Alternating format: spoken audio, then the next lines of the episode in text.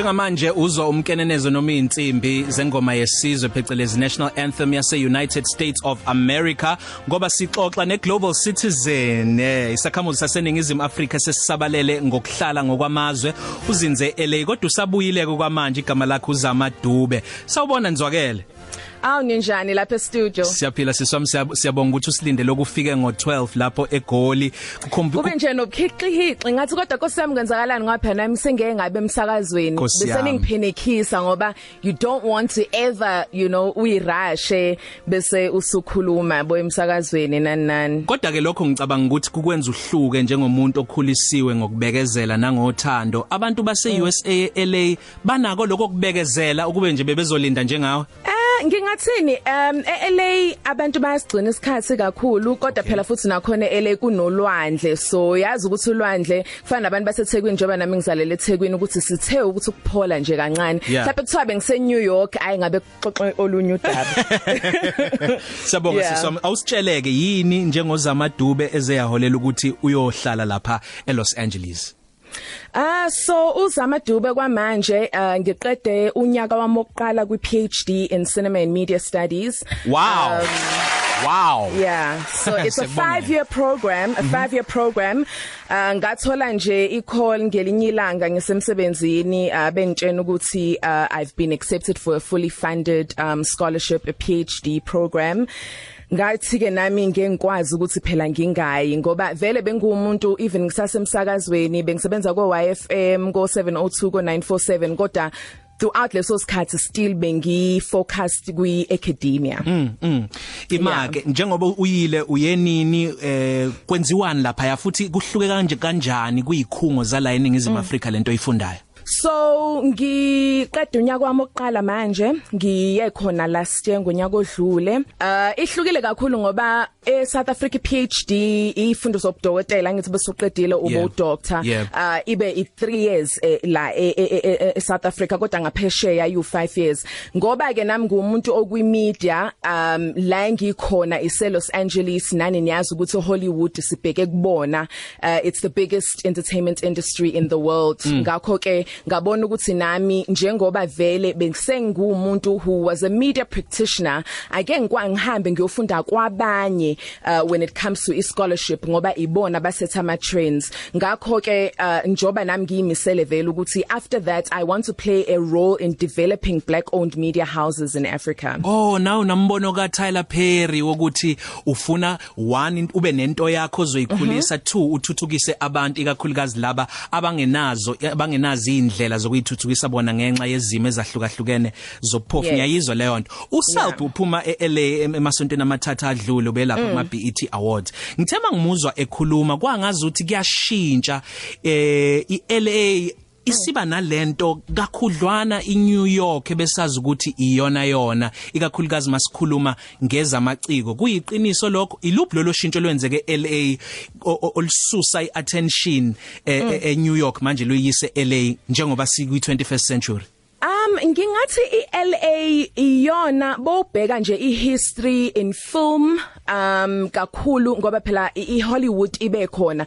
Ngokuqala kwe kwe film industry yaqala ngako East Coast and then base ba move beya ko Hollywood e Los Angeles in particular ngoba kuyi weather they were also running away from taxes. So ezinye izinto nje that are um industry things. Kodwa into engali into engayisho ushintsho olukhulu olukhona manje Hollywood ilento esibiza nge diversity mm -hmm. so okusho ukuthi sifuna ukubona more people aba represented uh, abantu abantu abafana nabantu besifazana abamnyama abantu who are not just heterosexual kodwa nje ukuthi kube ne full representation. So ngakho ke nami ngibona ngisendaweni e right ngesikhathi esi right ngoba i am a black woman ngisuka kwamashu.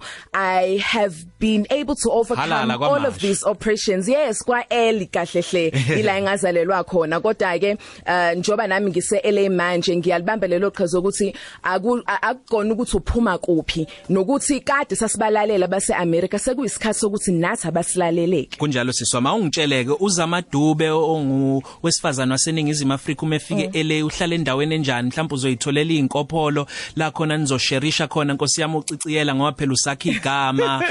umAfrika nje usamusha mm. umnyama hlobo luni lwendawo nokuthi nami nami ngiyakwazi ukuphila impilo ngibonakale mm. nje ukuthi ngiwu bling bling eh Eh ngingathi ngifortunate kakhulu ngibe nenhlanhla kakhulu ngoba ngine support ye university le ngifunda khona e UCLA that's mm. the University of California Los Angeles mm. engathi futhi it's actually the most applied to institu institution eAmerica yonke ngakho ke ukuthi ngikhethwe ngike ngibe kuleyo program kuyinto enkulu khona ngempela futhi bakwazile ukuthi bengisize ngakwazi ukuthi ngithole indawo yami so obviously bengihlala you know in an estate before ngihamba manje i am living just in a normal apartment. I'm living in a studio apartment. Kodwa those are are, are stars kodwa even nakhona lapho ngihlala e west um west Los Angeles eduzane nakhona uh, la engifunda khona.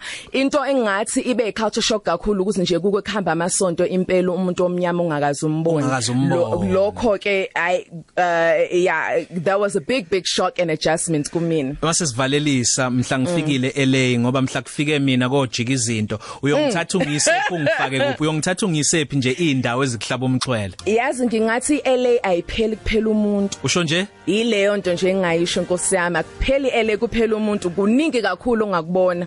O Hollywood sign amalwandle amaningi. Uthi nje uyihambele emgaqweni uTarantino kanti ushuthi imovie. Wow. that's just life you know on a regular. But kuningi okuningi uh engeke ngikuqede kodwa nje wamkelile nginilindele nonke ukuthi nize no self ngoba sikwazanga ukuthi sixhumane the last time efikile. Kube mnandi ukuxoxa nawe sisiwami mm. ave nje ukhululekile kahle nomoya wakho. Zamadube khonze ekhaya kwa L usitshele kuma socials ukuthi utholakala kuphi. Ngu @zamadube nje akhoma _akhoma emoji @zamadube both on Instagram and on Twitter. Khonze ekhaya ke nangibangani bakho mhlawumbe ukuthi bakulalela Oh ngakhonzela umana ngikhonzele ay lento yazi ekhonza ukuthi ngisuke ngasebenza emsakazweni ngiyazi ukuthi ayithandisiswa kahle hle. Kodwa ngingathi wonke umuntu especially abalaleli bami abasangisupport namanje ngithi um hello uh ning followisha on social media ngithanda nje nokuqhuquzela intsha yabantu abamnyama ngithi ngihlezi ngikhona am accessible because i want to ensure ukuthi la nami njengoba ngivula umnyango ukuthi sivulela umnyango for enye intsha ephuma la nami ngiphuma khona. Ngiyamkhumbula uPreston waye kwi 101 101 ama kodwa nilivusathi leli culo lakhe awulibheka announce ke emsakaza usifakele awusifakele lona. Hayi ke emsakaza njengoba usushilo it's just 2 minutes before kuba 1 o'clock mlaleli nali ingoma ethi ithini ingoma kahle hle? Ethi just maybe. Just maybe. Enjoy. Ngizakele siyabonga kakhulu sisi Coffee Cafe. Ilunch yakho ayifani neyizolo